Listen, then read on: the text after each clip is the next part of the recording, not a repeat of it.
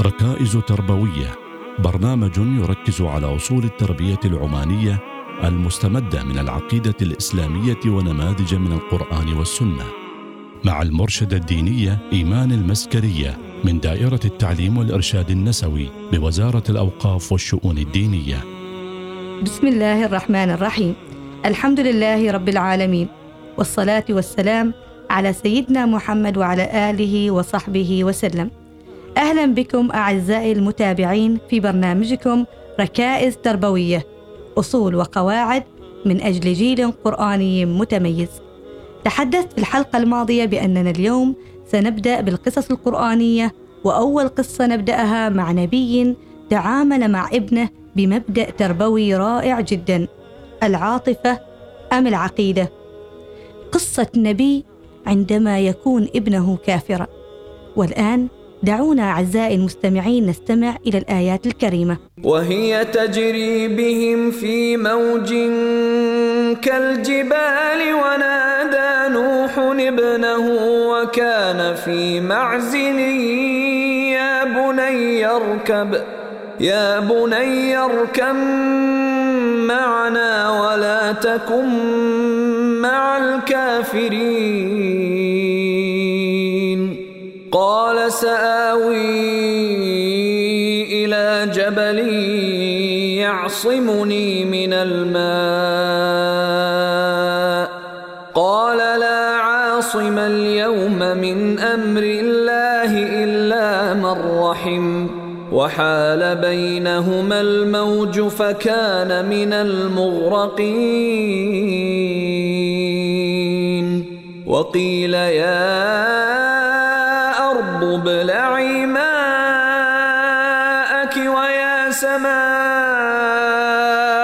أقلعي وغيض الماء وقضي الأمر واستوت على الجودي وقيل بعدا للقوم الظالمين. ونادى نوح ربه فقال رب إن ابني من أهلي وإن وعدك الحق وإن وعدك الحق وأنت أحكم الحاكمين. قال يا نوح إنه ليس من أهلك إنه عمل غير صالح. فلا تسألني ما ليس لك به علم. إني أعظك أن تكون من الجاهلين. قال رب إني أعوذ بك أن أسألك ما ليس لي به علم. وإلا تغفر لي وترحمني أكن من الخاسرين. نسرد الآن القصة وكما قلنا في الحلقة الماضية علينا أن ننتبه للمواطن التي أؤكد عليها أثناء السرد فيها الأهداف التربوية الموجودة في القصة ونادى نوح ابنه في هذه اللحظة الرهيبة الحاسمة.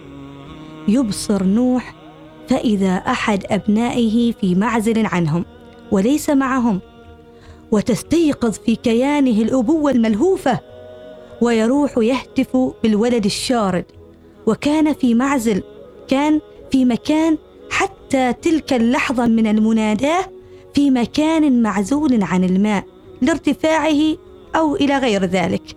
هناك من العلماء من يرى أن هذا الابن كان منعزلا عن أبيه وقومه فناداه النداء المخصوص ودعاه أن يركب معهم مع الإدغام في قوله اركم معنا وقال له لا تكون مع الكافرين لم يقل له من الكافرين.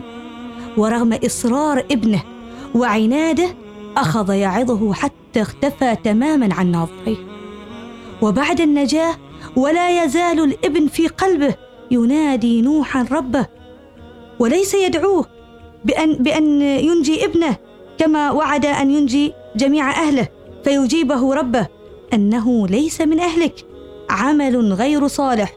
وهنا يخضع نوح فورا لتوجيه ربه ويستعيذ أن يكون من الجاهلين. الدلالات التربوية أعزائي المتابعين للقصة وكان في معزل أي كان معزولا عن أبيه سواء في مكان أو في أي مكان كان. فقط يعني وأيضا كان عاقا لأبيه. ما الدلاله المستفاده من هذا؟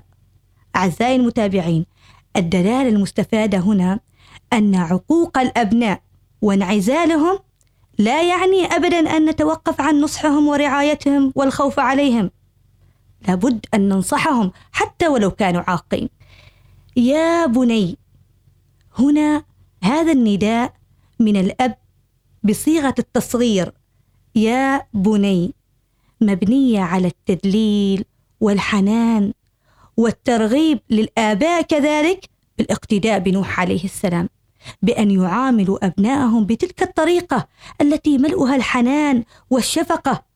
فلن نجد والدا ينادي على ابنه في القرآن الكريم ويقول لي يا ولدي وإنما يقول يا بني يا بني وهذا رغما عن عقوق الابن الذي كان اولا في معزل عن أبيه وكان مع الكافرين وحتى لما ناداه أبوه لم يرد عليه بنفس الطريقة ويناديه بتلطف كما هو آه، العادة في القرآن الكريم مع الأبناء المؤدبين بأن يقولوا مثلا يا أبتي وإنما رد مباشرة ماذا قال؟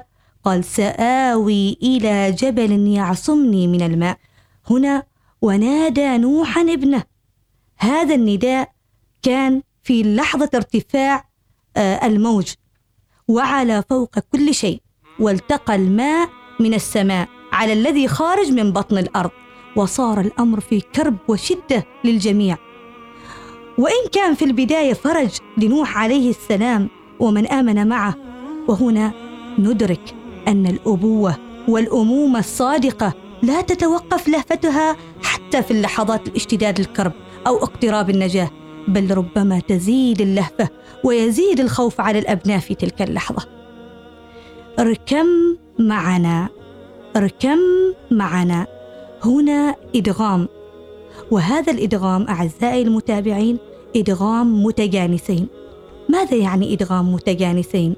هما الادغام المتجانسين معناه إن هذا الحرفين اتحدان في المخرج. اتحد مخ... حرف الباء وحرف الميم تم إدغامهم لأنهم متحدات في نفس المخرج.